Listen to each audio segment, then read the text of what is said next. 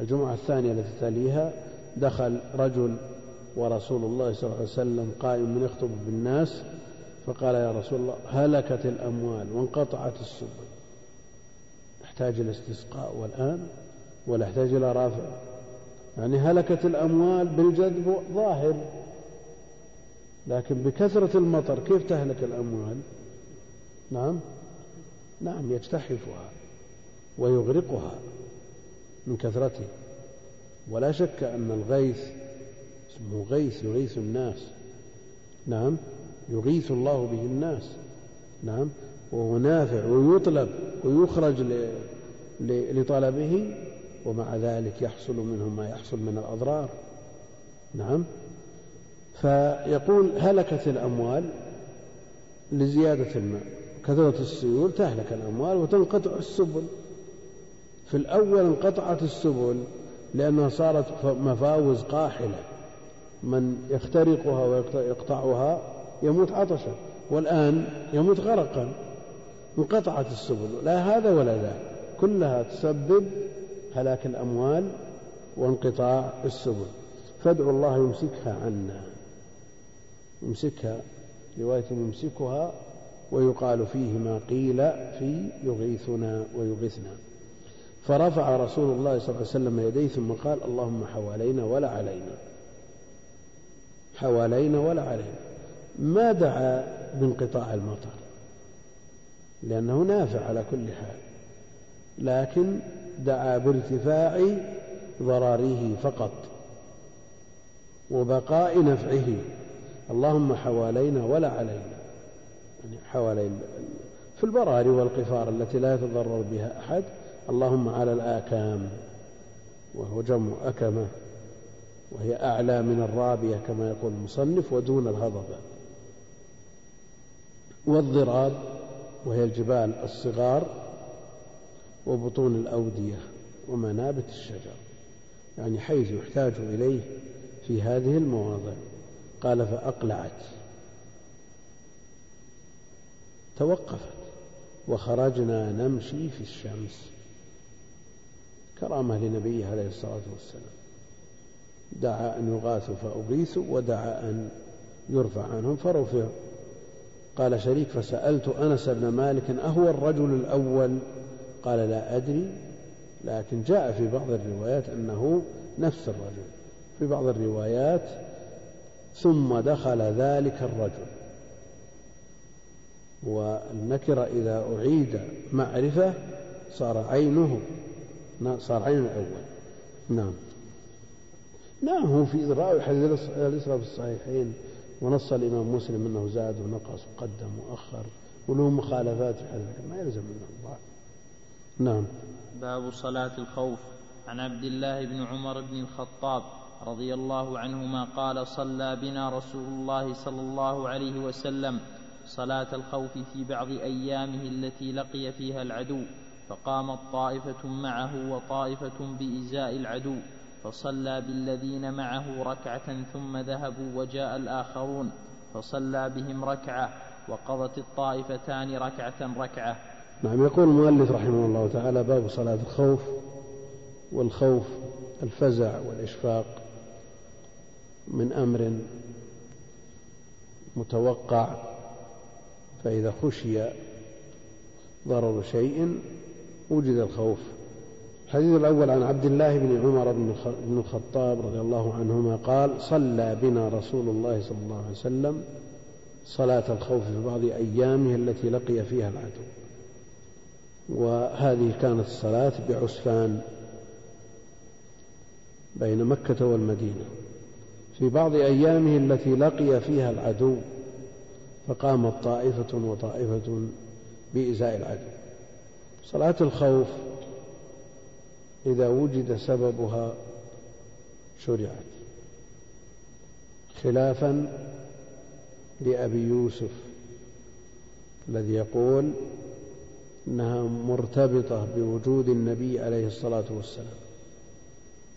لقوله جل وعلا وإذا كنت فيهم فالتنصيص على وجوده في الآية يدل على اختصاصه به.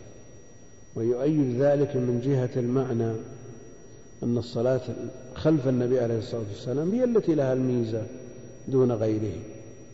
فالأمانة من اتخذ أكثر من إمام إذ لا ميزة لغيره وميزته عليه الصلاة والسلام تجعل ذلك من خصائصه. وجمهور أهل العلم على أنها له ولغيره من بعده. وقد فعلها الصحابة رضوان الله عليهم من بعده وهي مشروعة في السفر والحضر في السفر والحضر. قد يقول قائل النبي عليه الصلاة والسلام في غزوة الخندق ما صلى صلاة الخوف أخر الصلوات إلى أن غربت الشمس. وما صلى صلاة الخوف وبهذا يستدل من يقول أن صلاة الخوف لا تفعل في الحضر وإنما تفعل في السفر. وهذا بناء على أن غزوة ذات الرقاع نعم قبل الخندق قبل الخندق. وإلا على القول بأن غزوة الخندق متقدمة على غزوة ذات الرقاع كما يقول آه، الإمام البخاري ويرجحه ابن القيم وأن ذات الرقاع بعد بعد خيبر سنة السابعة حينئذ يقول لا إشكال يكون تأخيره للصلوات منسوخ. صلى صلاة الخوف حتى في الحضر. قال صلى بنا رسول الله صلى الله عليه وسلم صلاة الخوف بعض أيامه التي لقي فيها العدو. فقامت طائفة معه يعني صلوا معه خلفه وطائفة بإزاء العدو. ومثل هذه الصفة تفعل إذا كان العدو في غير جهة القبلة. طائفة معه وطائفة بإزاء العدو. فصلى بالذين معه ركعة ثم ذهبوا من غير إتمام صلاتهم ذهبوا وصلاتهم لم تتم. وجاء الآخرون الذين هم في الحراسة بإزاء العدو فصلى بهم ركعة. وقضت الطائفتان ركعة ركعة كل قضى منهم بطريقته. نعم ركعة ركعة أكمل صلاته بعد أن سلم النبي صلى الله عليه وسلم. صلاة الخوف جاءت على أوجه ستة أو سبعة كلها صحيحة ثابتة. بأيها أديت صحت لكن على الإمام أن يلاحظ نعم يلاحظ إيش؟ الأحفظ للصلاة والأبلغ في الحراسة يعني الأقل مخالفة في الصلاة والأبلغ في الحراسة. وإذا كان عدو بجهة القبلة لها لها صور وإذا كان في غير جهة القبلة لها صور مثل هذه. نعم. عن يزيد بن رومان عن صالح بن, خو... بن خوات بن جبير عمن صلى مع رسول الله صلى الله عليه وسلم صلاة ذات الرقاع صلاة الخوف أن طائفة صفت معه وطائفة وجاه العدو فصلى بالذين معه ركعة ثم ثبت قائما فأتموا لأنفسهم ثم انصرفوا فصفوا وجاه العدو وجاءت الطائفة الأخرى فصلى بهم الركعة التي بقيت. ثم ثبت جالسا وأتم وأتموا لأنفسهم ثم سلم بهم.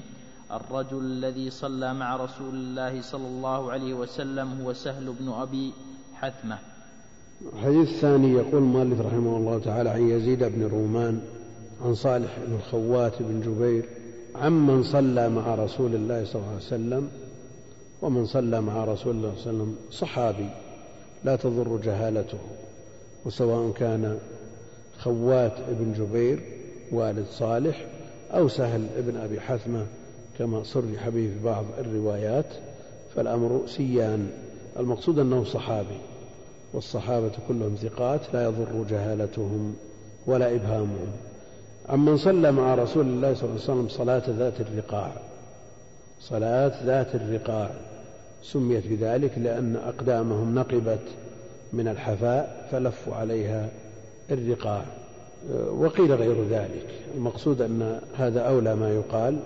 صلاة الخوف وصفتها أن طائفة صفت مع الإمام الذي هو النبي عليه الصلاة والسلام.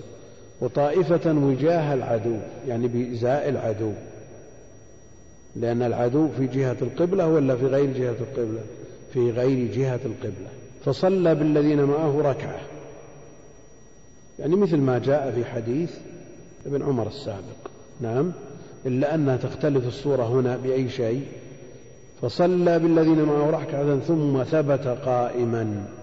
يعني في الركعة الثانية.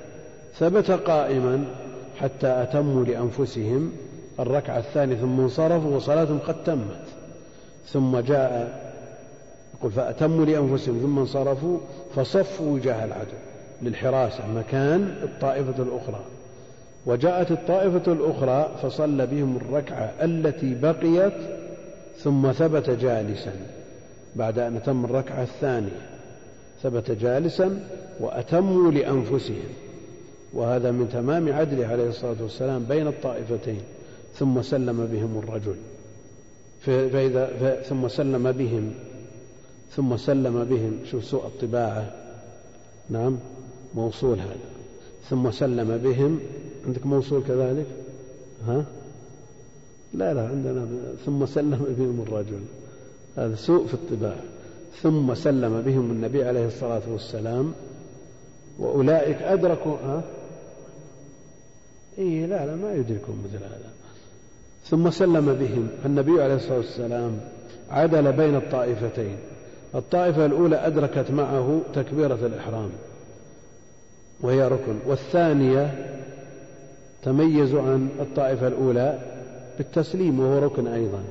وصلى بكل طائفة ركعة وأتموا لأنفسهم. المقصود أن هذا من تمام عدله عليه الصلاة والسلام.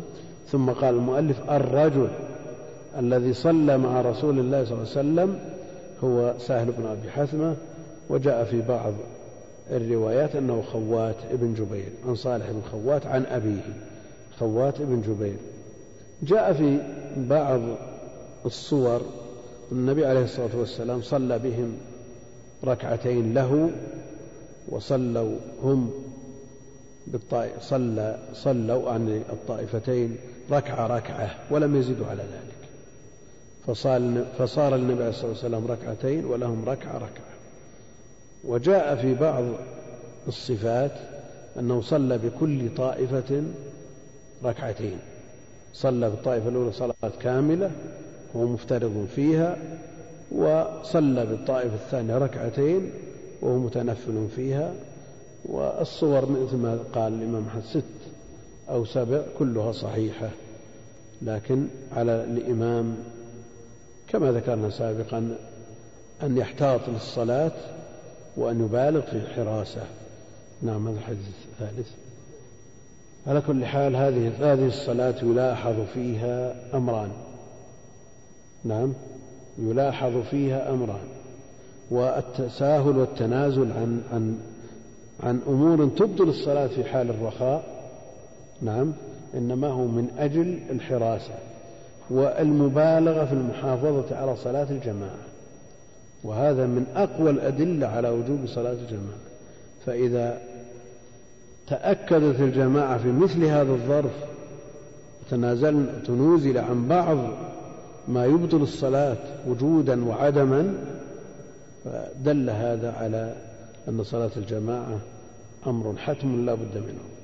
هذا الحديث الأخير. عن جابر بن عبد الله الأنصاري رضي الله عنهما قال شهدت مع رسول الله صلى الله عليه وسلم صلاة الخوف فصففنا صفين صفين خلف رسول الله صلى الله عليه وسلم والعدو بيننا وبين القبلة فكبر النبي صلى الله عليه وسلم وكبرنا جميعا ثم ركع وركعنا جميعا ثم رفع رأسه من الركوع ورفعنا جميعا ثم انحدر بالسجود والصف الذي يليه وقام الصف المؤخر في نحر العدو فلما قضى النبي صلى الله عليه وسلم السجود وقام الصف الذي يليه انحدر الصف المؤخر بالسجود وقاموا ثم تقدم الصف المؤخر وتأخر الصف المقدم ثم ركع النبي صلى الله عليه وسلم وركعنا جميعا ثم رفع رأسه من الركوع فرفعنا جميعا ثم انحدر بالسجود والصف الذي يليه الذي كان مؤخرا في الركعة الأولى فقام الصف المؤخر في نحر العدو. فلما قضى النبي صلى الله عليه وسلم السجود والصف الذي يليه انحدر الصف المؤخر بالسجود فسجدوا ثم سلم النبي صلى الله عليه وسلم وسلمنا جميعا.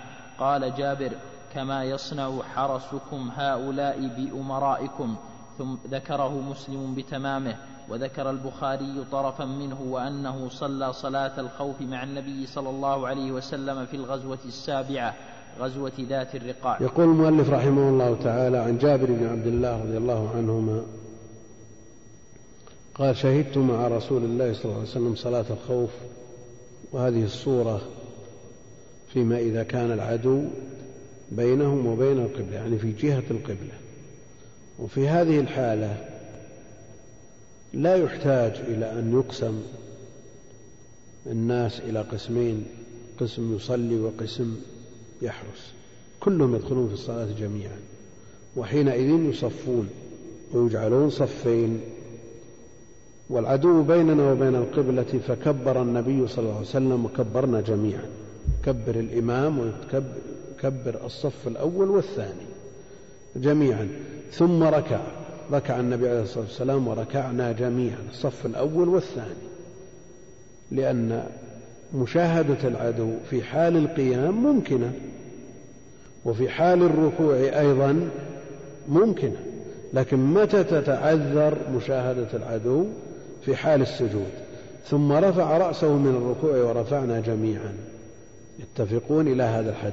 ثم انحدر النبي عليه الصلاة والسلام بالسجود والصف الذي يليه. ثم انحدر بالسجود والصف الذي يليه والصف معطوف على ضمير الرفع المتصل المستتر وجاز العطف على ضمير الرفع المتصل دون تأكيد بالضمير المنفصل لماذا؟ لوجود الفاصل لوجود الفاصل الذي هو إيه؟ بالسجود أو فاصل ما يعني لو قال ثم انحدر والصف الذي يليه يجوز ولا لا؟ يجوز؟ لا ما يجوز. لا بد من فاصل. الآن وجد الفصل بالجار والمجرور. نعم. وإن على ضمير رفع متصل عطفت. فافصل بالضمير المنفصل. لابد أن يقول ثم انحدر هو والصف الذي يليه لكن وجد الفصل بالجار والمجرور فجاز العطف من غير وجود الضمير المنفصل أو فاصل ما وبلا فصل يرد إلى آخره. والصف الذي يليه الصف الأول. وقام الصف المؤخر في نحر العدو. يحرسون يعني الصف الثاني استمروا قياما بعد رفعهم من الركوع للحراسة في نحر العدو يعني في جهته. فلما قضى النبي صلى الله عليه وسلم السجود وقام الصف الذي يليه انحدر الصف المؤخر بالسجود. يعني أكملوا ركعتهم أكملوا الركعة. وقاموا. ثم تأخر الصف الم... ثم تقدم الصف المؤخر وتأخر الصف المقدم. لماذا؟ ليتم العدل بين الصفين. ليتم العدل بين الصفين. ثم تقدم الصف المؤخر. وتأخر الصف المقدم. ثم ركع النبي صلى الله عليه وسلم وركعنا جميعا. ثم رفع رأسه من الركوع ورفعنا جميعا. مثل ما حصل في الركعة الأولى. ثم انحدر بالسجود والصف الذي يليه الذي كان مؤخرا في الركعة الأولى وصار مقدما. وقام الصف المؤخر في نحر العدو الذي كان في الصف المقدم في الركعة الأولى. فلما قضى النبي عليه الصلاة والسلام السجود والصف الذي يليه انحدر الصف المؤخر بالسجود الذي كان مقدما في الركعة الأولى فسجد ثم سلم النبي صلى الله عليه وسلم وسلمنا جميعا. وهذا من تمام عدله عليه الصلاة والسلام. قال جابر مصورا ما حصل من قيام بعض المأمومين والإمام مع بعض المأمومين ساجد أو جالس يقول كما يصنع حرسكم هؤلاء بأمرائكم كما يصنع حرسكم هؤلاء بأمرائكم وهذه حالة ضرورة وإلا فالأصل في مثل هذه الصورة المنع لوجود المشابهة كما جاء في حديث وإذا صلى جالسا أو صلى فصلوا قعودا أجمعين. نعم؟ وأشار إليهم أن يجلسوا لئلا يشبه فارس والروم يشبه الكفار بالقيام على رؤوس أئمتهم. لكن هذه حالة ضرورة مستثنات. كما يصنع حرسكم هؤلاء بأمرائكم يقومون على رؤوسهم بحراستهم. ذكره مسلم بتمامه وذكر البخاري طرفا منه. وأنه صلى صلاة الخوف مع النبي عليه الصلاة والسلام في الغزوة السابعة. يعني ترتيبها السابعة لا إنما هي في ها؟ سنتها. يعني في السنة السابعة غزوة ذات الرقاع وهذا اختيار البخاري وأنها بعد خيبر. وبهذا يستدل على أن صلاة الخوف تفعل في الحضر والسفر خلافا لمن منع ذلك والله أعلم. صلى الله وسلم وبارك على نبينا محمد وعلى آله وصحبه أجمعين. السلام عليكم ورحمة الله وبركاته. قال كتاب الجنائز. عن أبي هريرة رضي الله عنه قال نعى النبي صلى الله عليه وسلم النجاشي في اليوم الذي مات فيه وخرج إلى المصلى فصف بهم وكبر اربعا الحمد لله رب العالمين وصلى الله وسلم وبارك على عبده ورسوله نبينا محمد وعلى آله وصحبه أجمعين. أما بعد فيقول المؤلف رحمه الله تعالى كتاب الجنائز الكتاب تقدم الكلام فيه مرارا والمصدر كتب يكتب كتابا وكتابة وكتبا وأصل المادة تدور على معنى الجمع والكتاب هو المكتوب الجامع لمسائل من العلم وهنا الجامع لمسائل الجنائز وما يتعلق بها والجنائز جمع جنازة وجنازة والفتح للميت الجنازة والجنازة بالكسر للنعش الذي هو السرير أو السرير عليه الميت. بناء على قاعدتهم في أن الأعلى للأعلى والأسفل للأسفل. يقول المؤلف رحمه الله تعالى في الحديث الأول عن أبي هريرة رضي الله عنه قال نعى النبي صلى الله عليه وسلم النجاشي في اليوم الذي مات فيه.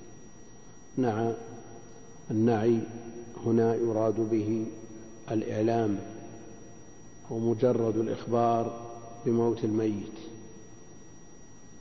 ومجرد الإعلام والإخبار بموت الميت.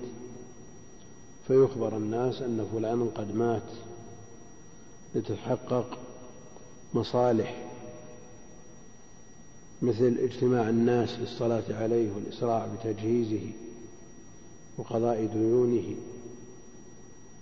المقصود أن هناك مصالح مترتب على الإخبار والنعي هنا هو مجرد الإخبار.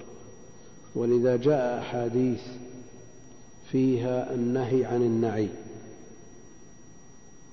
جاء النهي عن النعي وهو على ما كانت عليه الجاهلية من اقتران الأخبار برفع الأصوات وتعداد محاسن الميت وإظهار الجزع عليه فيبعثون في السكك والمجامع.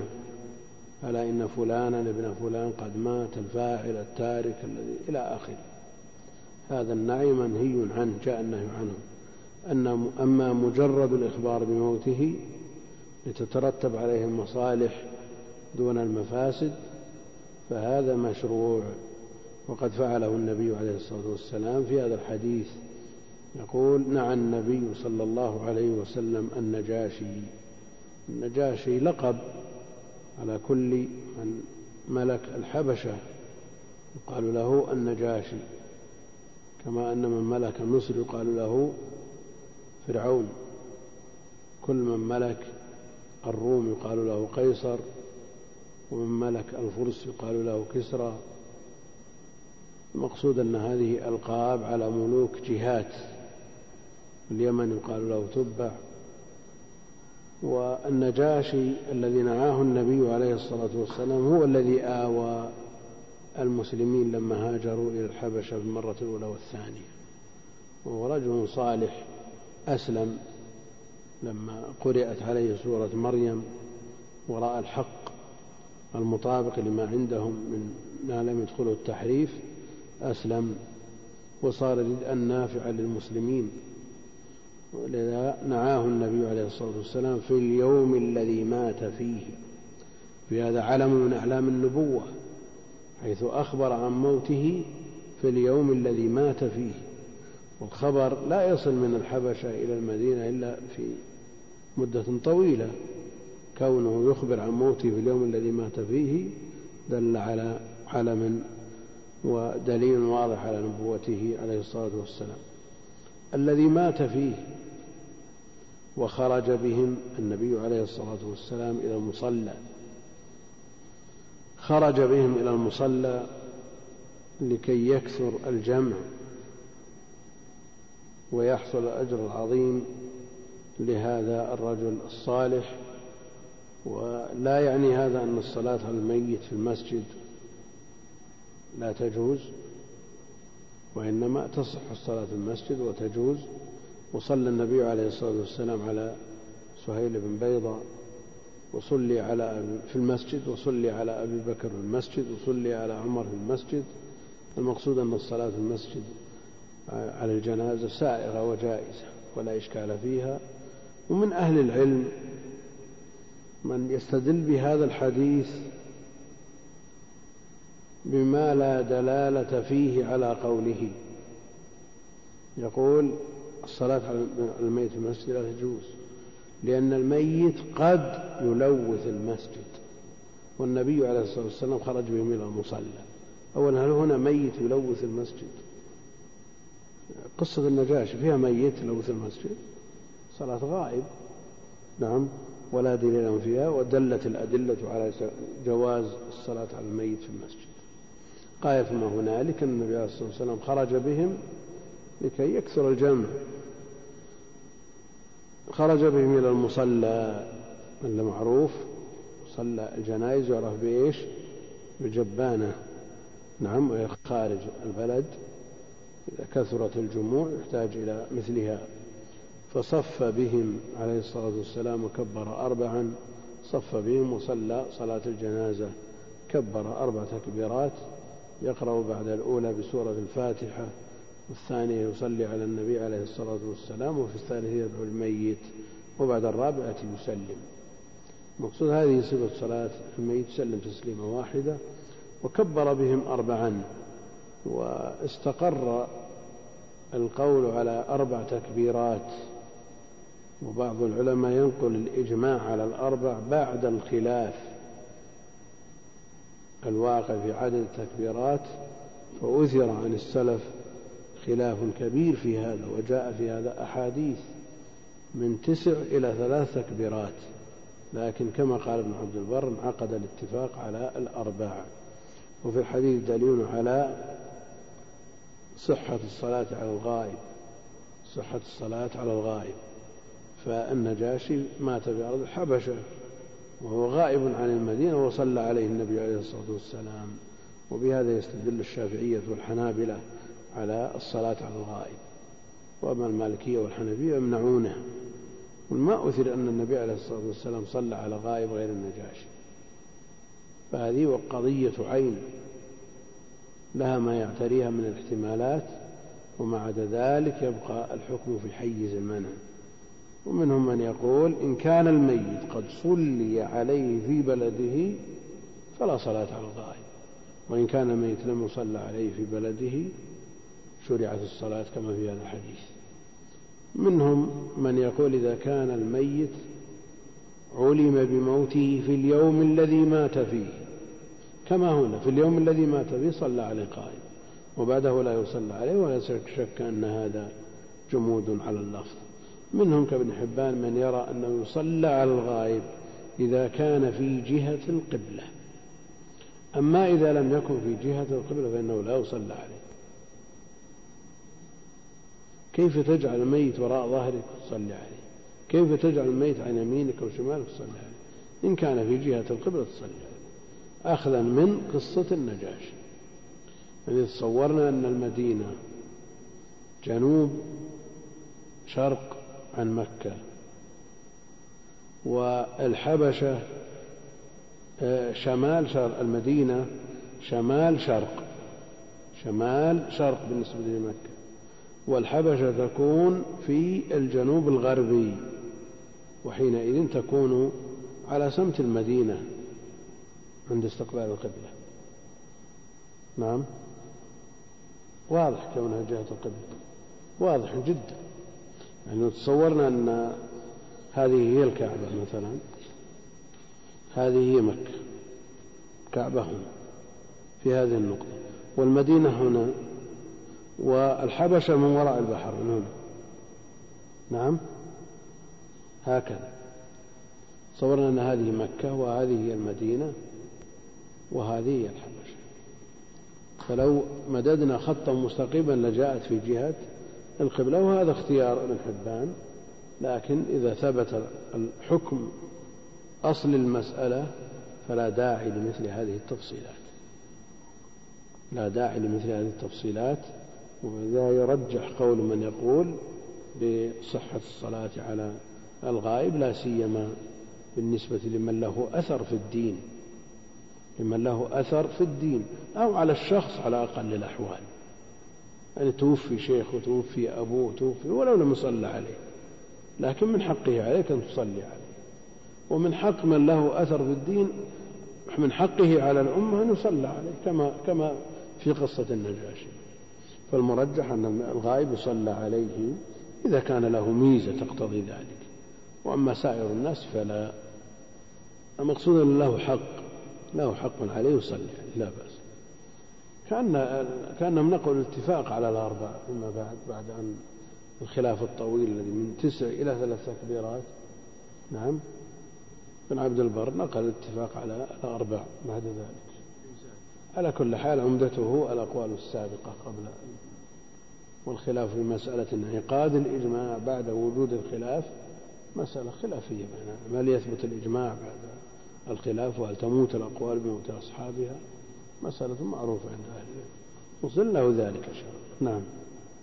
عن جابر رضي الله عنه أن النبي صلى الله عليه وسلم صلى على النجاشي فكنت في الصف الثاني أو الثالث.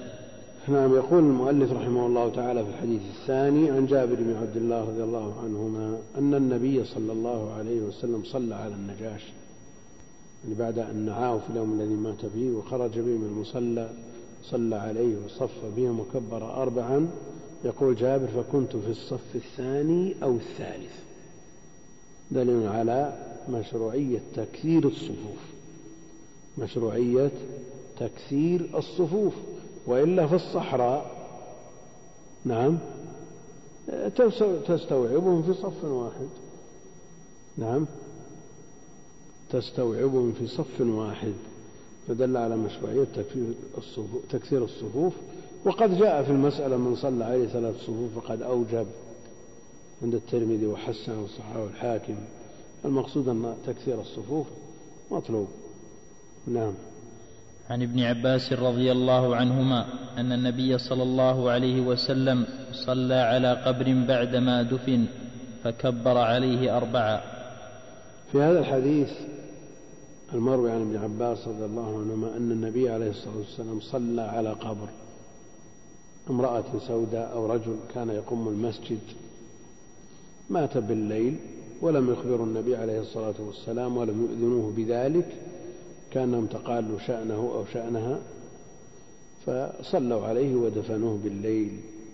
فلما أصبح النبي عليه الصلاة والسلام سأل عنها أو عنه فأخبر بذلك ثم صلى على قبرها وصلى النبي عليه الصلاة والسلام على قبر بعد مضي شهر وصلى على قتلى أحد في آخر حياته كالمودع لهم. المقصود أنه صلى على القبر يصلي على القبر من لم يصلي عليه ولا مانع من إعادة الصلاة وقد جاء ما يدل عليها بالنسبة لمن صلى عليه. نعم تصلي عليهم كلهم.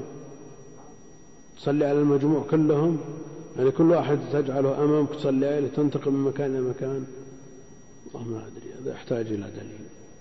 ما لهم مزية يعني شهداء أحد صلى عليهم والأصل أن الصلاة على الشهيد غير مشروعة لكن كالمودع لهم على خلاف بين أهل العلم في المراد بالصلاة اللي صلاة حقيقية ذات تكبيرتين ومجرد دعاء وهو مرجح عند جمع من أهل العلم وأما الشهيد فلو صلى عليه. لكن لو مات لك قريب أو مات لك شخص عزيز عليك وأنت خارج البلد ثم علمت بعد ذلك وصليت على قبره لا بأس. نعم. إيه نعم القريب القريب وفاة يصلى عليه. ويدرك الأجر إن شاء الله تعالى. على كل حال منهم من أثبتها ومنهم من نفاها والواجب الفاتحة وما عدا ذلك سنة يعني تفعل أحيانا ويكبر عليه أربعا مع رفع اليدين في التكبير مع رفع اليدين في التكبير وهذا ثابت عن ابن عمر وفيه حديث لا يسلم مما قال وعارضه قول ابن عباس. كل الأربعة كل الأربعة إيش؟ لا هذا إذا أرى إذا وجد من يخالف في حكم مسنون إذا وجد من يخالف حكم مسنون لو جهر به من أجل أن يعلم. المخالف. وإلا في الأصل أنها سرية. ليعلم أنها سنة يعلم أن قراءتها سنة كما فعل النبي عليه الصلاة والسلام في الجهر بالآية أحيانا. يعلم أن هذا السنة لا يخفى على الناس وإذا عرف الناس أنه سنة انتهى انتهت الحكمة. نعم. عن عائشة رضي الله عنها أن رسول الله صلى الله عليه وسلم كفن في ثلاثة أثواب يمانية بيض سحولية ليس فيها قميص ولا عمامة. يقول المؤلف رحمه الله تعالى في الحديث الرابع عن عائشة رضي الله عنها أن رسول الله صلى الله عليه وسلم كفن التكفين وإدراج الميت في كفنه وأثوابه كفن في ثلاثة أثواب ثلاثة أثواب يمانية بتخفيف الياء نسبة إلى اليمن والألف عوض عن الياء الثانية ولذا خففت. لو قيل يمنية صارت ياء مشددة لأن ياء النسب يجب تشديدها. ياء كيا الكرسي زيدت للنسب مشددة لكن لما عوض عوض بالألف مكان الياء الثانية والحرف المشدد عبارة عن حرفين. حرف مشدد عبارة عن حرفين. وأحد الحرفين صار مكان الألف فاقتضى تخفيفه. يمانية. نعم. ولو قيل يمنية لا تعين التشديد. مثل لو قيل تيمية مثلا بالتشديد متعين ما في شيء اسمه تيمية أبدا. إنما النسب مشددة. ياء كي الكرسي زيدت للنسب. إذا إذا عوض عن إحدى الياءين إذا عوض عن إحدى الياءين ألف كما هنا خففت. فقيل يمانية بيض. من السنة أن يكون الكفن أبيض. وجاء في الحديث البسوا من ثيابكم البياض فإنه أطيب وأطهر. وكفنوا فيها موتاكم. وكفنوا فيها موتاكم. سحولية أو سحولية نسبة إلى قرية اسمها سحول باليمن. بيض نعم. وش إيه. هي موجودة بيض منهم من كالحنفية من يستحب التكفين بالمخطط الذي هو الحبرة ويستدلون بأن النبي عليه الصلاة والسلام سجي ببرد حبرة. نعم التسجية غير التكفين. تسجية بعد التكفين تغطية يغطى الميت بها أو قبل التكفين حتى يجهز. المقصود أن التسجية لا مانع من أن تكون بأي لون من الألوان. نعم المقصود أنه يسجى إذا سجي بأي لون من الألوان. البيض. نعم للرجال والنساء البيض. كفنوا فيها موتاكم. أما التغطية فبأي لون بأي لون كان. المقصود الستر. ليس فيها قميص ولا عمامة. ليس فيها قميص ولا عمامة. ليس في الأثواب الثلاثة التي كفن فيها قميص ولا عمامة. يقول من أهل العلم من يرى أنه يشرع التكفين في القميص وفي العمامة ماذا يقول عن هذا الحديث؟ يقول ليس فيها ليس في الثلاثة ليس من الثلاثة قميص ولا عمامة بل القميص والعمامة قدر زائد على الثلاثة. ويستدل بأن النبي عليه الصلاة والسلام كفن عبد الله بن أبي في قميصه. كفن عبد الله بن أبي في قميصه.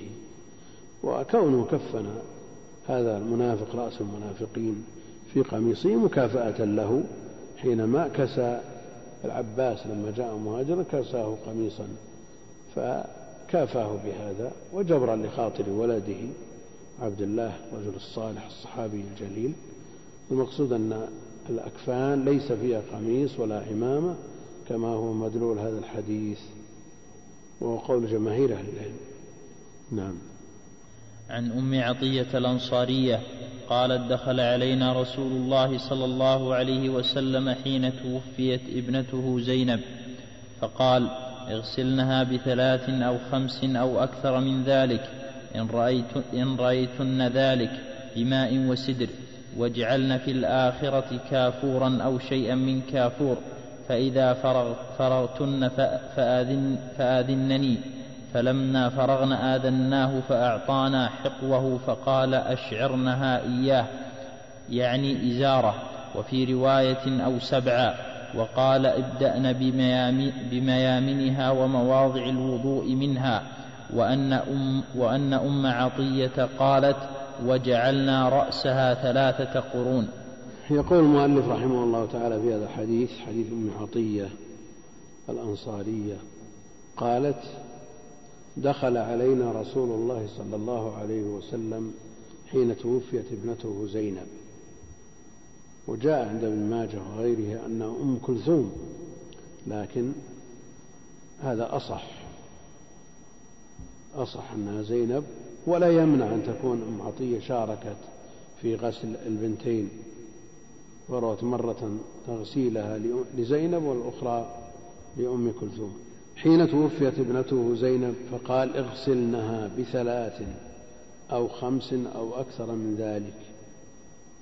في رواية أو سبعا اغسلنا بثلاث غسلات أو بخمس غسلات أو سبع أو أكثر من ذلك لا ينافي السبع.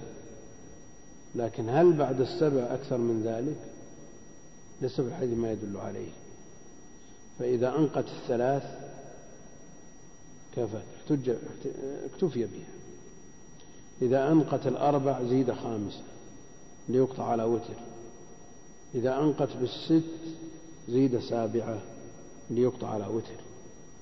إن رأيتن ذلك إن رأيتن ذلك مرده إلى الحاجة والمصلحة لا إلى التشهي. يعني إن رأيتن الأمر يقتضي ذلك لعدم انقطاع الخارج فيزاد على حسب الحاجة. بماء وسدر يغسل الميت بالماء والسدر كونها أنظف. من أهل العلم من يقول أن الماء إذا خلط بالسدر تغير به. وحينئذ ينقلب على مذهب الشافعية ومذهب الحنابلة. من كونه طهورا مطهرا إلى كونه طاهرا. لكن ما يلزم من هذا أن يخلط الماء بالسدر ولو خلط في غسلة وأزيل في الثانية أو الثالثة ما تم استدلال من يجوز رفع الحدث بالماء الطاهر غير المطهر. على أن تغسيل الميت ليس عن حدث ليس عن حدث إنما هو تعبد بماء وسدر والسدر هو النبق واجعلنا في الآخرة, في الأخيرة كافورا. وهو نبت طيب الرائحة. يطرد الهوام ويساعد على بقاء القوة في الجسم فلا يسرع إليه الفساد. أو كافورا أو شيئا من كافور. اجعلنا في الآخرة كافورا. أو شيئا من كافور أو هذه للشك. فهل قال اجعلنا في الآخرة كافورا؟ لا يختلف الأمر. إلا أننا إذا قلنا شيئا من كافور يكفي منه أي جزء يسير ولا يلزم التكثير والمقصود من تطيب الرائحة وما ذكر. فإذا فرغتن يعني من الغسل فآذنني فأعلمنني وأخبرنني. فلما فرغنا من الغسل آذناه أعلمناه وأخبرناه فأعطانا حقوه. الحق أصله معقد الإزار المحل الذي يعقد به الإزار من البدن ثم أطلق على الإزار نفسه ثم أطلق على الإزار نفسه من باب إطلاق المحل وإرادة الحال. فأعطانا حقه فقال أشعرنها إياه أشعرنها إياه أي اجعلنه شعارا عليها أو اجعلنه شعارا لها والشعار ما يلي البدن من الثياب. الشعار ما يلي البدن من الثياب والدثار فوق الشعار والدثار فوق الشعار وجاء في فضائل الأنصار الأنصار شعار والناس دثار يعني هم الذين يلون شعر البدن لقربهم. فقال أشعرنها إياه يعني إزاره وفي رواية أو سبعا من الغسلات وقال ابدأن بميامنها ابدأن بميامنها يعني الجهة اليمنى. فتغسل اليد اليمنى قبل اليسرى والرجل اليمنى قبل اليسرى والشق الأيمن عموما قبل الشق الأيسر ومواضع الوضوء منها. العطف على نية تكرار العامل. العطف على نية تكرار العامل. فكأن الحديث جاء بلفظ ابدأن بميامنها وابدأن بمواضع الوضوء منها. هل تتفق الجملتان أو بينهما تعارض؟ طيب هل في تعارض بين الجملتين ولا ما في تعارض؟ ما في تعارض. يعني ابدأن بميامنها يقتضي أن تغسل الرجل اليمنى قبل اليد اليسرى. تغسل الرجل اليمنى قبل اليد اليسرى. في الوضوء كذا؟ شيء ابدأن بميامنها وابدأن بمواضع الوضوء منها. هذا مقتضى الجملة. لأن العطف عندهم على نية تكرار العامل. مقتضى الجملة الأولى ابدأن بميامنها أن تغسل الرجل اليمنى قبل اليد اليسرى. ومقتضى الجملة الثانية ابدأن بمواضع الوضوء منها أن تغسل اليد اليسرى قبل الرجل اليمنى. في تعارض ولا ما في تعارض؟ كيف ندفع هذا التعارض؟ أولا نعرف أولا التعارض بين الجملتين فيه ولا ما فيه كيف نرفع؟ نقول الوضوء مستقل على صورته على صورته الشرعية كما يصنع الحي يتوضأ قبل أن يغتسل وهنا توضأ قبل توضأ ويوضأ الميت قبل أن يغسل. ففي الوضوء يبدأ بمواضع الوضوء وفي سائر الغسلات يبدأ بالميامن قبل المياسر. وإن أم عطية قالت وجعلنا رأسها ثلاثة قرون.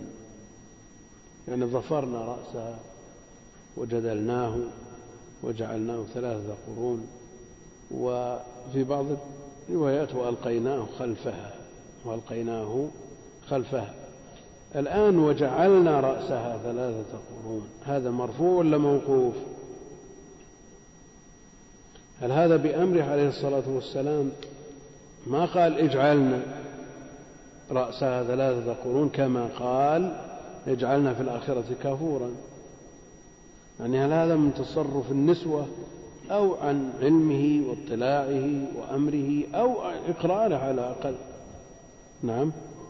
نعم الأكثر على أن رأس الميت يظفر بعد تغسيله يظفر ويجعل ثلاثة قرون ويلقى خلفه.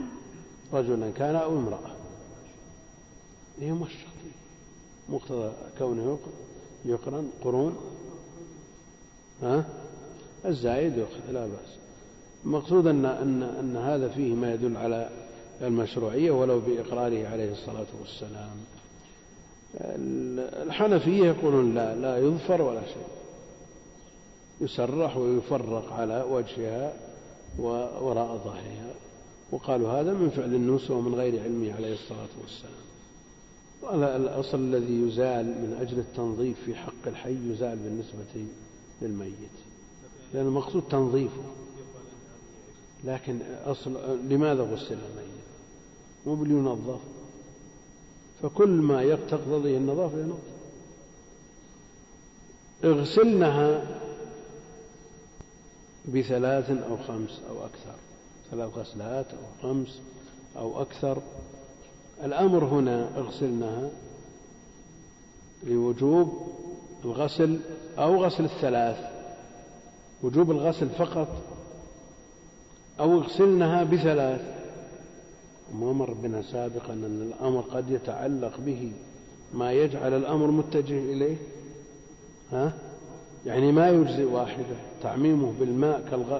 كالحي ما يجزي طيب اغسلنا هذا أمر والأصل في الأمر الوجوب. هل نقول بوجوب الغسل واستحباب الثلاث؟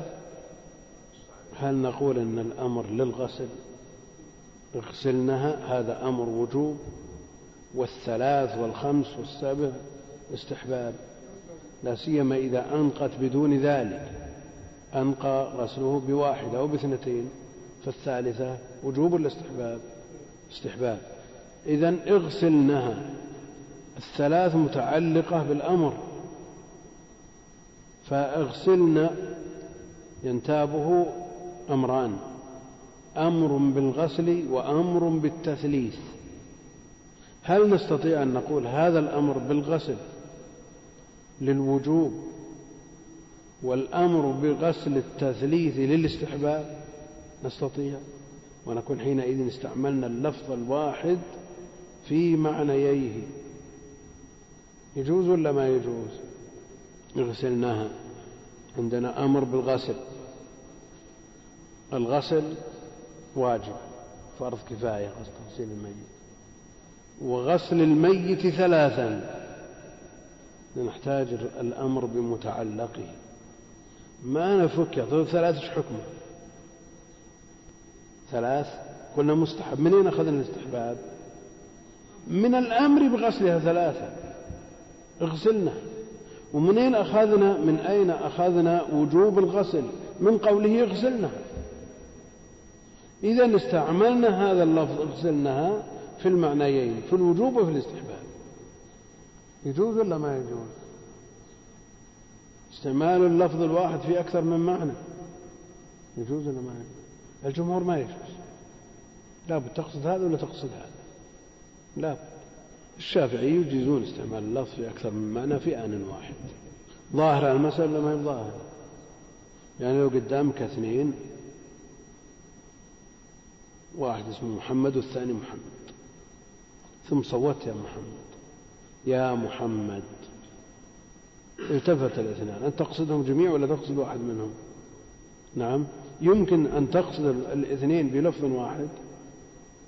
إذا أردت أن تدعو اثنين قلت يا محمد. إيش فيه.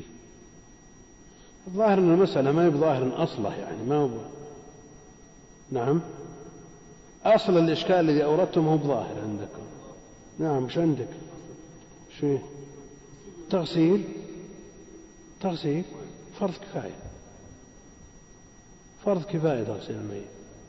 تكفين والصلاة عليه ودفنه كله فرض كفاية. شلون؟ يأثمون لو دفنوا غير تغسيل أثم أثم كل من علم وقدر على تغسيله يأثم شو؟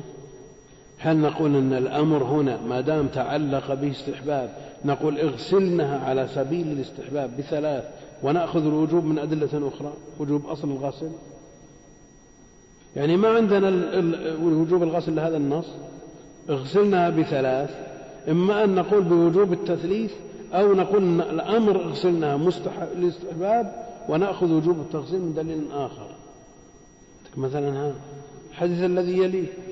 ها اغسلوه ويأتي بماء وسدر بعد. إشكالات. نعم. نعم ما الصارف من وجوب الثلاث؟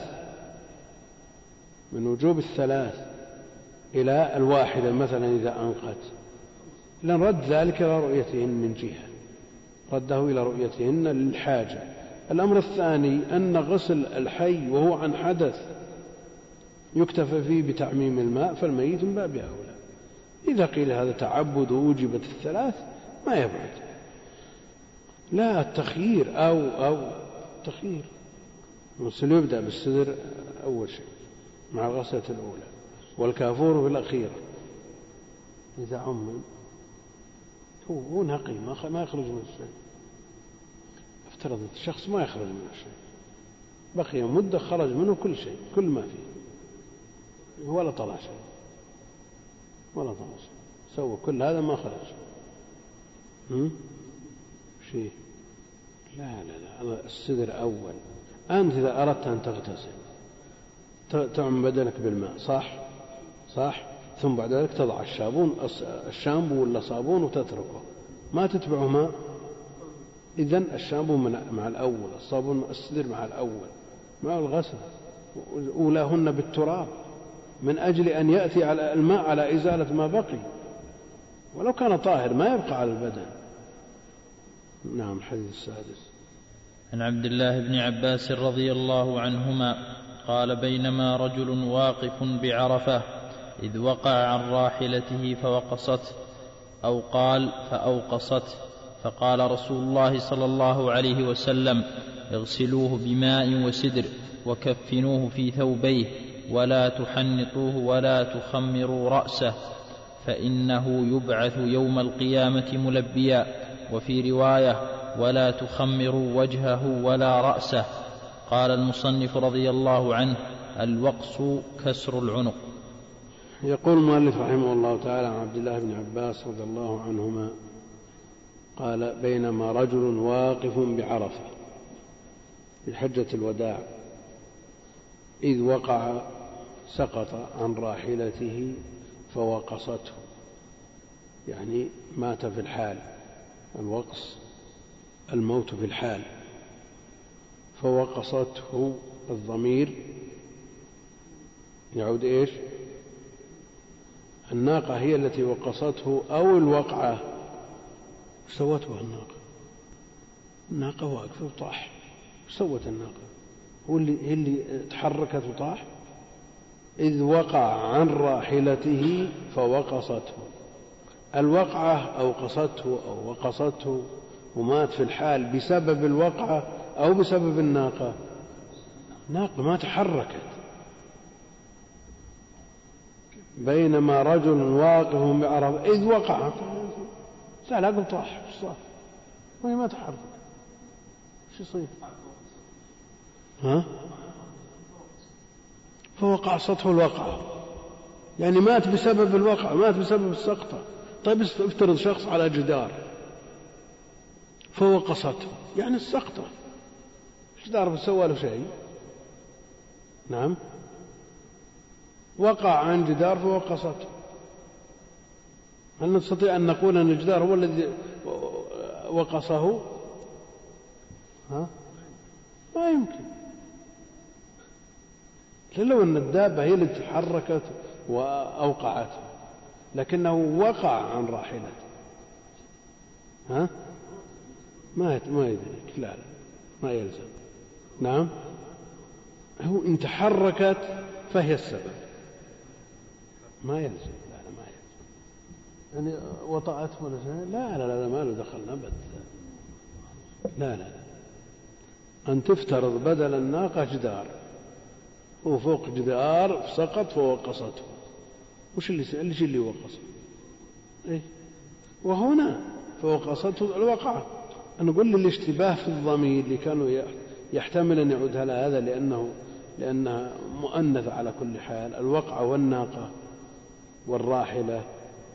جاء هنا الاشتراك جاء هنا الاحتمال. لكن أن تفترض أن الناقة واقف. هو واقف بعرفة إذ وقع ما قال أوقعته. لا لا ما في. في فوقصته في أوقصته في فأقعصته لكن من اللي قصد أن تفترض أنه نعس وطاح. صار. نعم. يعني السبب الذي مات به. السبب الذي مات به الوقعة من الدابة من الراحلة.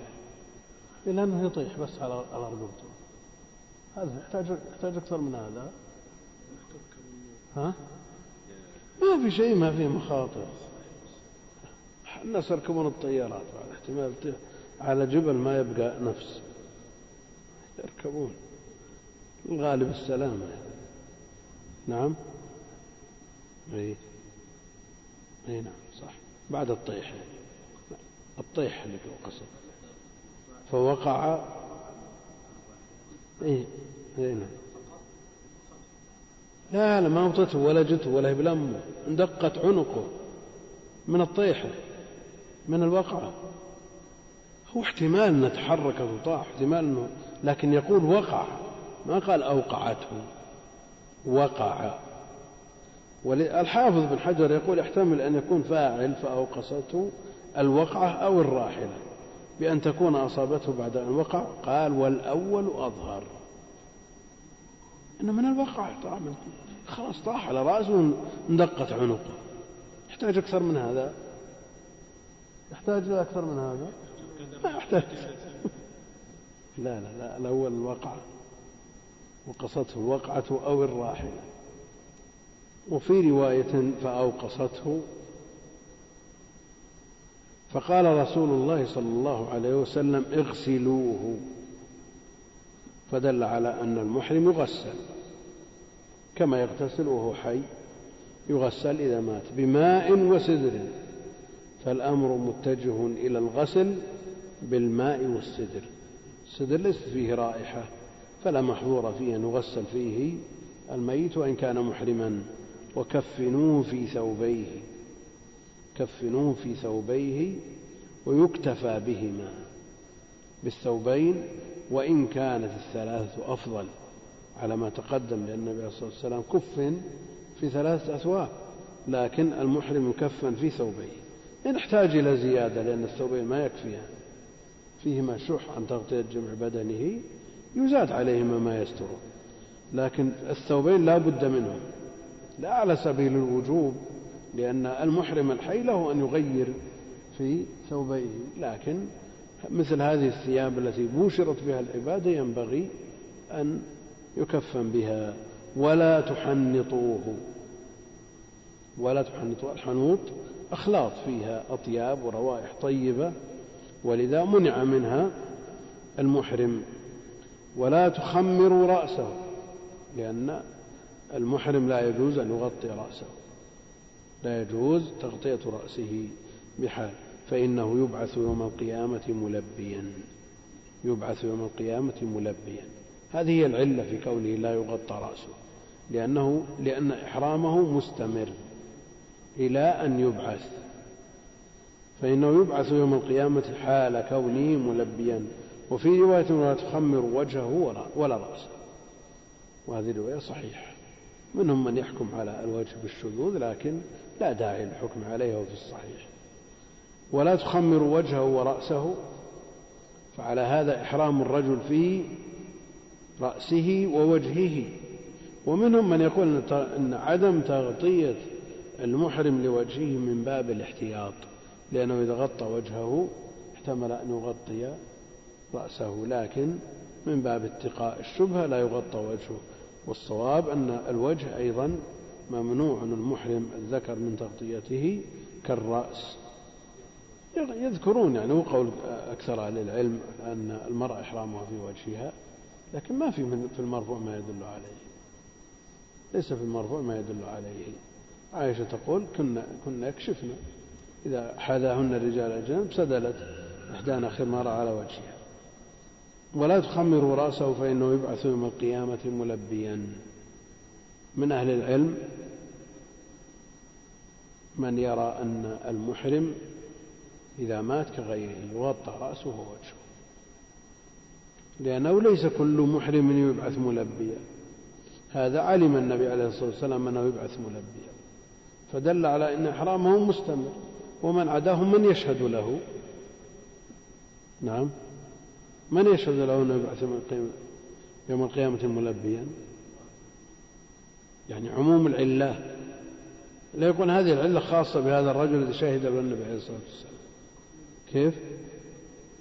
المقصود أن من أهل العلم من يرى أنه يغطى رأسه ووجهه.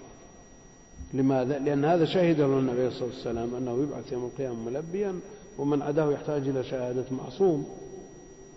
لكن القول بعموم العلة متجه. فكل من مات محرما بعث يوم القيامة ملبيا. يعني هل يقول مثل هؤلاء؟ نعم.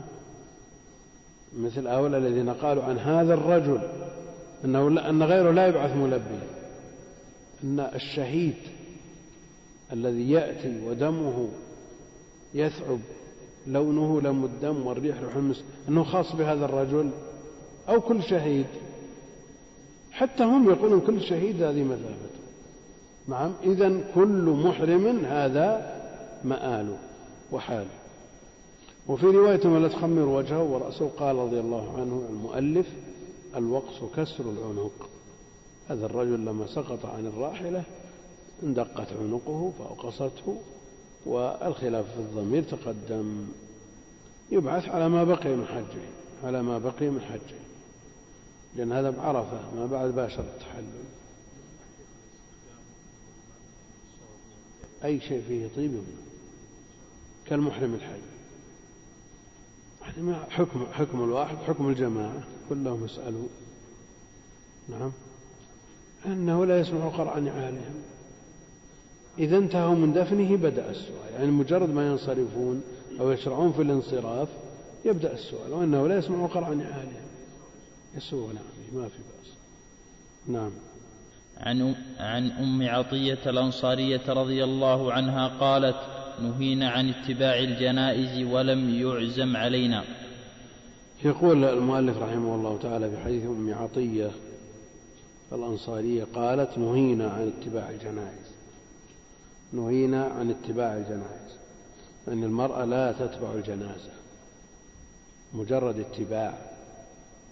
وجاء ما يدل على التحريم في حديث فاطمة. في حديث فاطمة يدل على التحريم. لو بلغت الكدي للفحتك النار. يدل على تحريم اتباع الجنائز وهنا ولم يعزم علينا يدل على أن النهي ليس التحريم وإنما هو الكراهة وأن النواهي متفاوتة منها النهي الشديد ومنها النهي الخفيف. هذا بالنسبة لاتباعها أما دخول المقابر وزيارتها بالنسبة للنساء فجاء فيه اللعن لعن الله زوارات القبور والمتخذين عليها المساجد والصور فالنساء ممنوعات من هذا لكن المرأة إذا صلت على جنازة فلها من القراط مثل ما للرجل فالاتباع غير الصلاة والاتباع أيضا غير الزيارة ودخول المقابر كيف؟ وش تزور؟ لا لا لعن الله زورات القبور. فزورها هذا عام خصص النساء باللعن. لا لا ما يدخل نبت نبت ما يدخل المقبرة اللعن صريح فيها. نعم. اللعن للعن لعن الله زورات القبور. نعم. ولم يعني لم يؤكد عليه. فإما أن يقال أن تفاوت النهي تبعا لتفاوت النساء. فعائشة فاطمة لعظم مقامها تمنع بأشد مما يمنع عنه غيرها لأنه قال لفحتك النار. نعم. المقصود أن مثل هذا منهي عنه منهي عنه سواء كان نهي كراهة أو نهي تحريم والمقصود به اتباع الجنازة والخروج معها. الخروج معها لا إلى المقبرة. نعم. عن أبي هريرة رضي الله عنه عن النبي صلى الله عليه وسلم قال أسرعوا بالجنازة فإن تك صالحة فخير تقدمونها إليه وإن تك سوى ذلك فشر تضعونه عن رقابكم. يقول المؤلف رحمه الله تعالى عن أبي هريرة رضي الله عنه عن النبي صلى الله عليه وسلم قال أسرعوا بالجنازة أسرعوا بالجنازة يعني بمجرد ما تخرج الروح ويتأكد من خروجها. تباشر أسباب الدفن يعني تغسل وتكفن ويصلى عليها وتدفن. هذا مقتضى الأمر بالإسراع أسرعوا بالجنازة. لكن إذا ترتب على التأخير التأخير الذي لا يترتب عليه تغير في الميت من رائحة كريهة أو تأذي أهل الميت بهذا وترتب عليه مصلحة من قدوم من يرجى قدومه في مدة معقولة مقبولة يعني بين صلاتين مثلا يؤخر من صلاة الفجر إلى صلاة الظهر مثلا أو من الظهر إلى العصر الأمر فيه ساعة لله الحمد. النبي عليه الصلاة والسلام دفن بعد ثلاثة أيام. دفن بعد ثلاثة أيام. فدل على أن الأمر بالإسراع للاستحباب لا للوجوب. لكن شريطة ألا يتغير الميت ويتأذى ويؤذي والعلة واضحة. فإن تك صالحة فخير تقدمونها إليه. يعني لا يحرم من هذا الخير الذي ينتظره وإن تكو سوى ذلك يعني غير صالحة وغير طيبة فشر تضعونه عن رقابكم. فالأشرار صحبتهم وبال سواء كانوا أحياء أو أموات. لا شك أن شر هذا الشر يوضع عن الرقاب. فالإسراع في تجهيز الميت والإسراع بدفنه هو السنة هو السنة. لكن إن ترتب على التأخير مصلحة راجحة فلا مانع منه لكن لا يؤخر تأخيرا بحيث يسرع إليه الفساد أو يتأذى به أهله أو يكون سببا في حرمانه من الخير الذي ينتظره.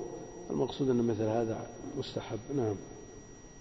عن سمرة بن جندب رضي الله عنه قال صليت وراء رسول الله صلى الله عليه وسلم على امرأة ماتت في نفاسها فقام وسطها.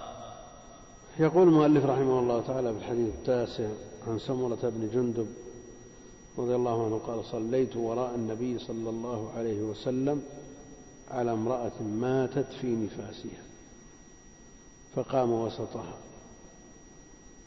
صليت وراء النبي عليه الصلاة والسلام على امرأة والمرأة يصلى عليها كالرجل والأدلة مستفيضة.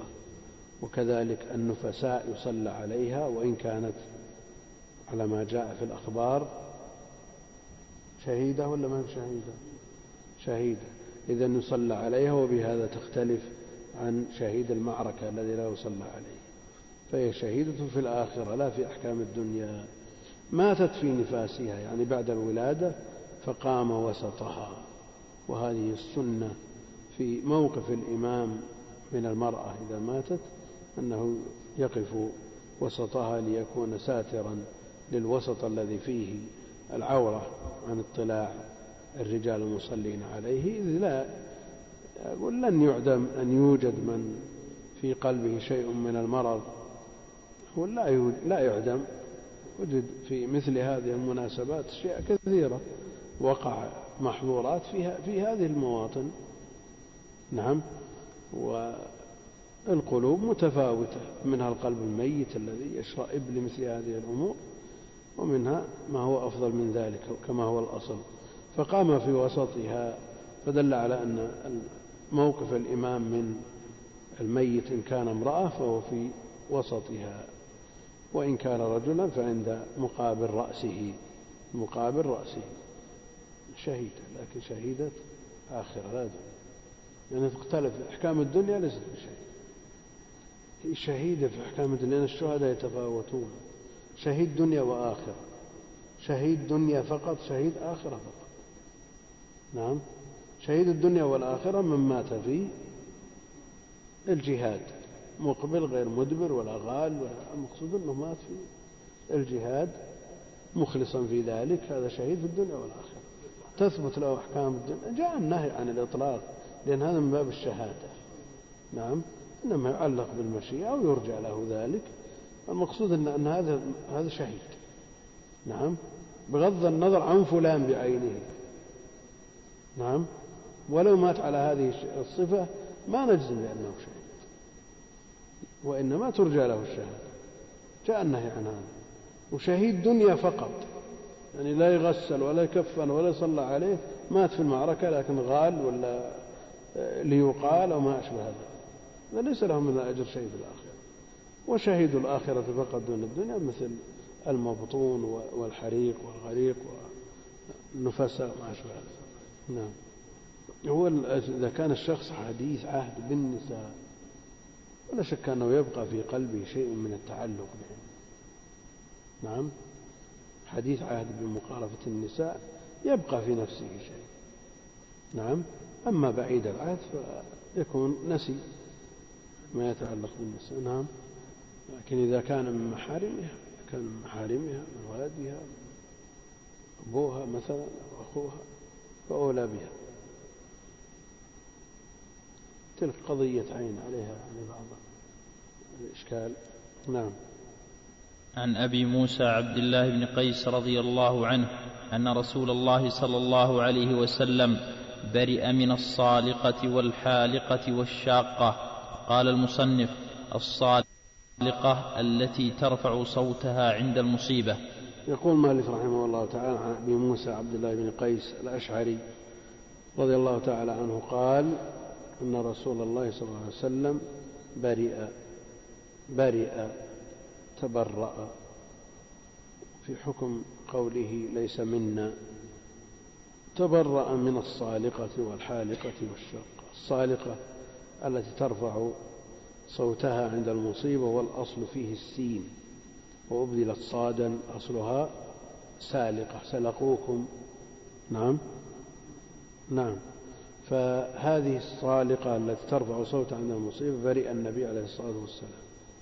وبرئ من الحالقة التي تحلق شعرها بسبب المصيبة. وبرئ من الشاقة التي تشق ثوبها. والأصل هذا أن يكون في النساء لجزعهن وعدم صبرهن لكن إذا وجد في الرجال فالحكم واحد. إذا وجد في الرجال من يرفع صوته ويحلق شعره أو يلطم خده وصدره أو يشق ثوبه الحكم واحد.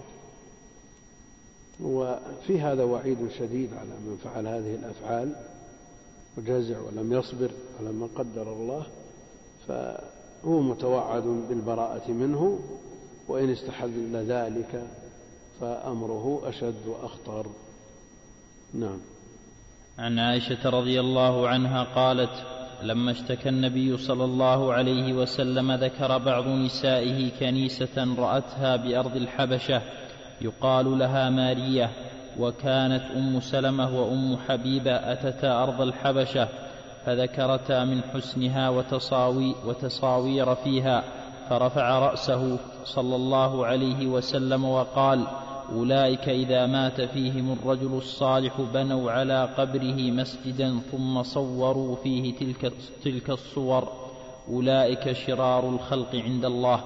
يقول المؤلف رحمه الله تعالى عن عائشة رضي الله عنها قالت لما اشتكى النبي عليه الصلاة والسلام مرض بمرض موته الأخير ذكر بعض نسائه وجاء التصريح بأم سلمة وأم حبيبة وهن ممن هاجر إلى الحبشة. ذكر بعض نسائه كنيسة رأتها في بعض الروايات رأتاها يعني أم سلمة وأم حبيبة بأرض الحبشة التي هاجرن إليها. يقال لها يقال الكنيسة ماريا.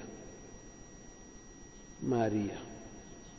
وكانت أم سلمة وأم حبيبة أتتا أرض الحبشة فذكرتا من حسنها وتصاوير فيها.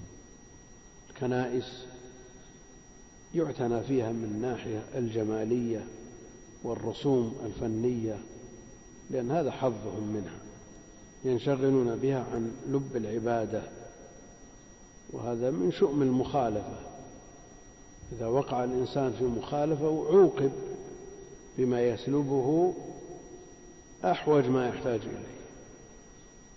لهذا منع من زخرفة المساجد لئلا يكون سببا في إذهاب الخشوع للمصلين. وهؤلاء هذا هذا حظهم من هذه العبادة هذه التصاوير الحسنة والجميلة وزادوا على ذلك سوءا. فصوروا مريم والمسيح صور فيها تصاوير لهم. المقصود أن هذه محرمات. لا يجوز التصاوير في أماكن العبادة. فرفع رسول الله صلى الله عليه وسلم رأسه وقال أولئك إذا مات أولئك إذا مات منهم الرجل الصالح بنوا على قبره مسجدا. ثم صور فيه تلك الصور. ظلمات بعضها فوق بعض. صور وتماثيل في مكان العبادة وأيضا قبر في المسجد فأنى يقبل لهؤلاء. إضافة إلى أنهم حرفوا وبدلوا كفروا. المقصود أن مثل هؤلاء صنعوا ما صنعوا وقلدهم من قلدهم من المسلمين. وجعلوا القبور في المساجد وزخرفوا المساجد. وزخرفوا المساجد فهؤلاء فيهم شبه من شرار الخلق عند الله تعالى. أولئك إذا مات منهم الرجل الصالح بنوا على قبره مسجدا. قد يكون الدافع في أول الأمر تذكر صاحب القبر ليكون معينا لهم على النشاط في العبادة.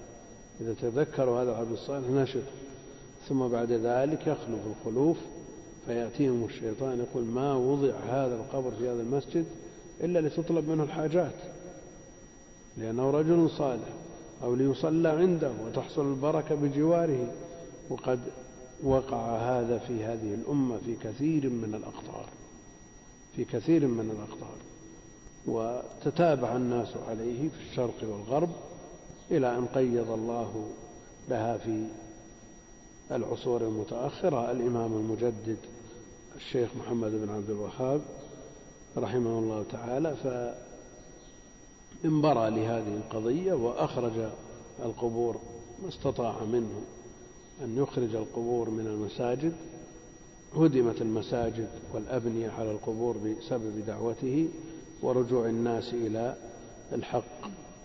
وفي الحديث الذي يلي حديث عائشة نعم عن عائشة رضي الله عنها قالت قال رسول الله صلى الله عليه وسلم في مرضه الذي لم يقم منه لعن الله اليهود والنصارى اتخذوا قبور أنبيائهم مساجد. قالت ولولا ذلك لأبرز قبره غير أنه خشي أن يتخذ مسجدا.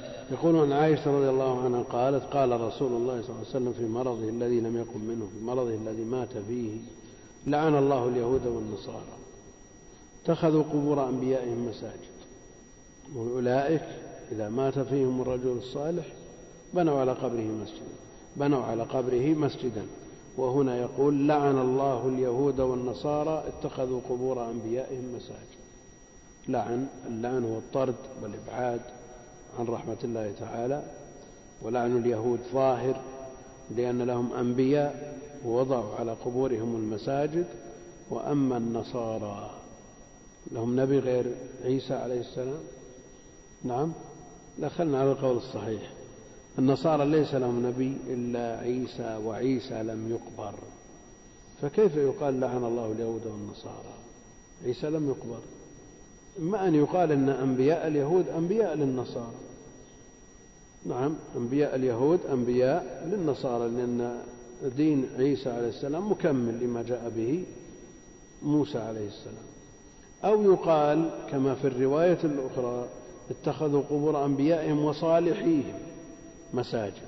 فيكون اليهود اتخذوا قبور الأنبياء والنصارى اتخذوا قبور الصالحين مساجد بمعنى أنها ترتاد ويصلى عندها. وقد جاء النهي عن الصلاة إلى القبور لا تصلوا إلى القبور لا تجلسوا عليها أو لا تجلسوا على القبور وتصلوا إليها قالت عائشة رضي الله عنها ولولا ذلك لأبرز قبره. النبي عليه الصلاة والسلام ما أبرز قبره دفن في بيت عائشة فلم يبرز قبره خشية أن يتخذ مسجد.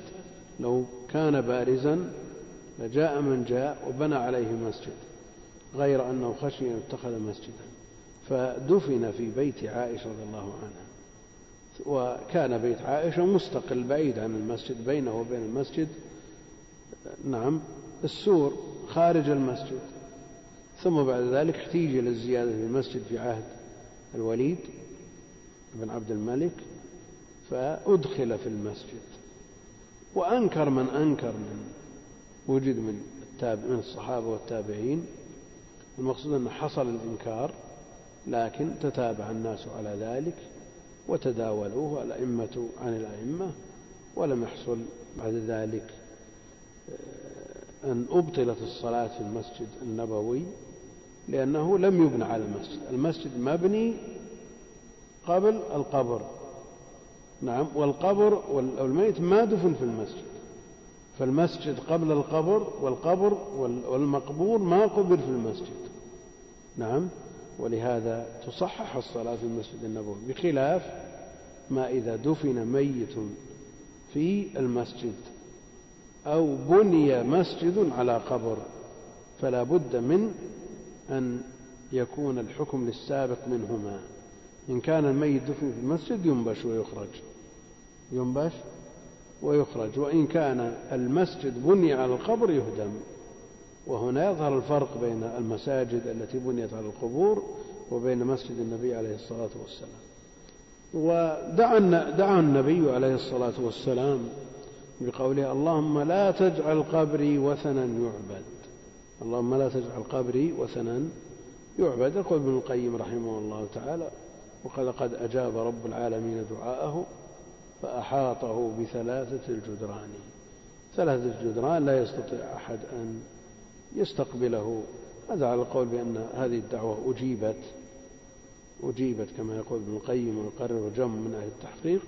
لكن وجد من يسجد إلى القبر وظهره إلى الكعبة. مثل هذا لا شك أنه عابد. عابد للقبر ساجد له. مثل هذا ساجد للقبر. أما كونه مسجد صبغته صبغة المسجد يرتاده الناس في كل وقت من أجل أن يصلوا إليه ومن أجل أن فهذا لم يحصل. يعني إذا وجد من أفراد فإن هذا لا يعني أن الدعوة لم تجب. نعم. عن عبد الله بن مسعود رضي الله عنه عن النبي صلى الله عليه وسلم قال ليس منا من ضرب الخدود وشق الجيوب ودعا بدعوى الجاهلية.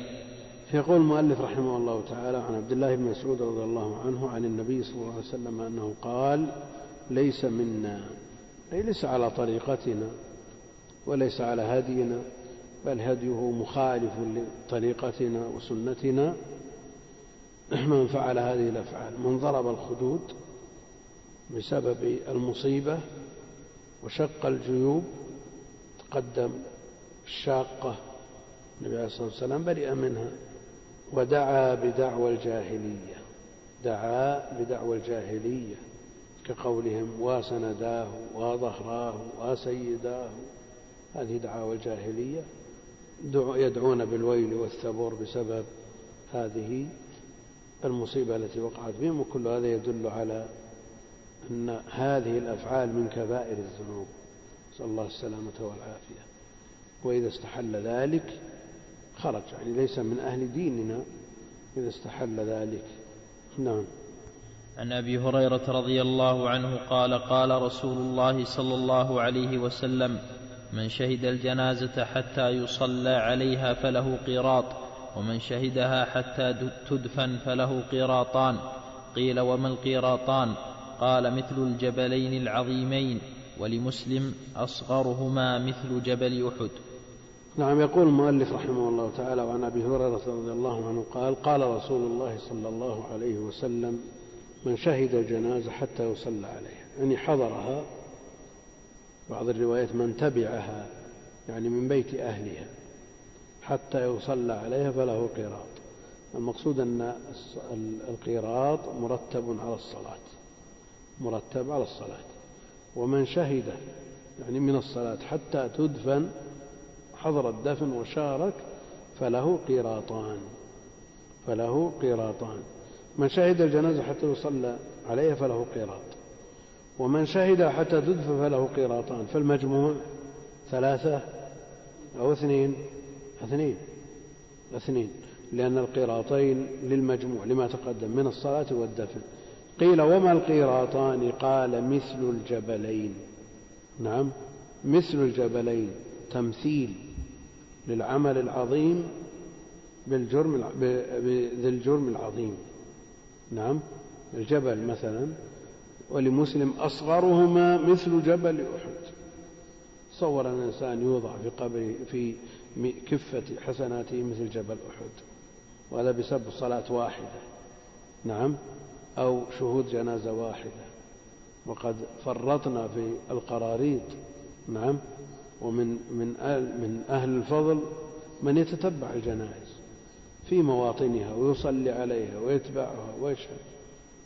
يبحث عن الأجر ولا شك أن تتبع مثل هذه الأمور من علامات التوفيق من علامات التوفيق وفي مقابله من علامات الحرمان والخذلان أن يوجد الإنسان في مسجد يصلى فيه على جنازة ولا يصلي. وهذا يحصل كثيرا.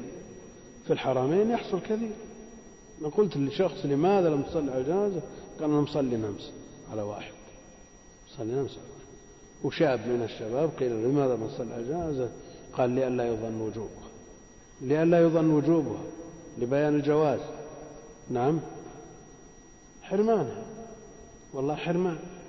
فليحرص الإنسان على مثل هذا وهو بأمس الحاجة إلى الحسنات التي تكون في مقابل بحار السيئات التي يتخوض فيها الناس. صلى الله السلامة والعافية. والله ها؟ فيه هناك؟ داخلة في اللفظ. داخلة. والله إذا لم تضيق على الأحياء فلا مانع وإذا حصل منها ضيق فالأحياء أولى. اللهم صل وسلم على عبدك. ها؟ داخلة في عموم الحديث ومجموع الجنائز يعني لو صلي على عشر في آن واحد عشرة قراريط. وفضل الله واسع. جزى الله فضيلة الشيخ خير الجزاء وجعلنا الله وإياكم ممن يستمعون القول فيتبعون أحسنه. وتقبلوا تحيات إخوانكم في تسجيلات الراية الإسلامية بالرياض والسلام عليكم ورحمة الله وبركاته.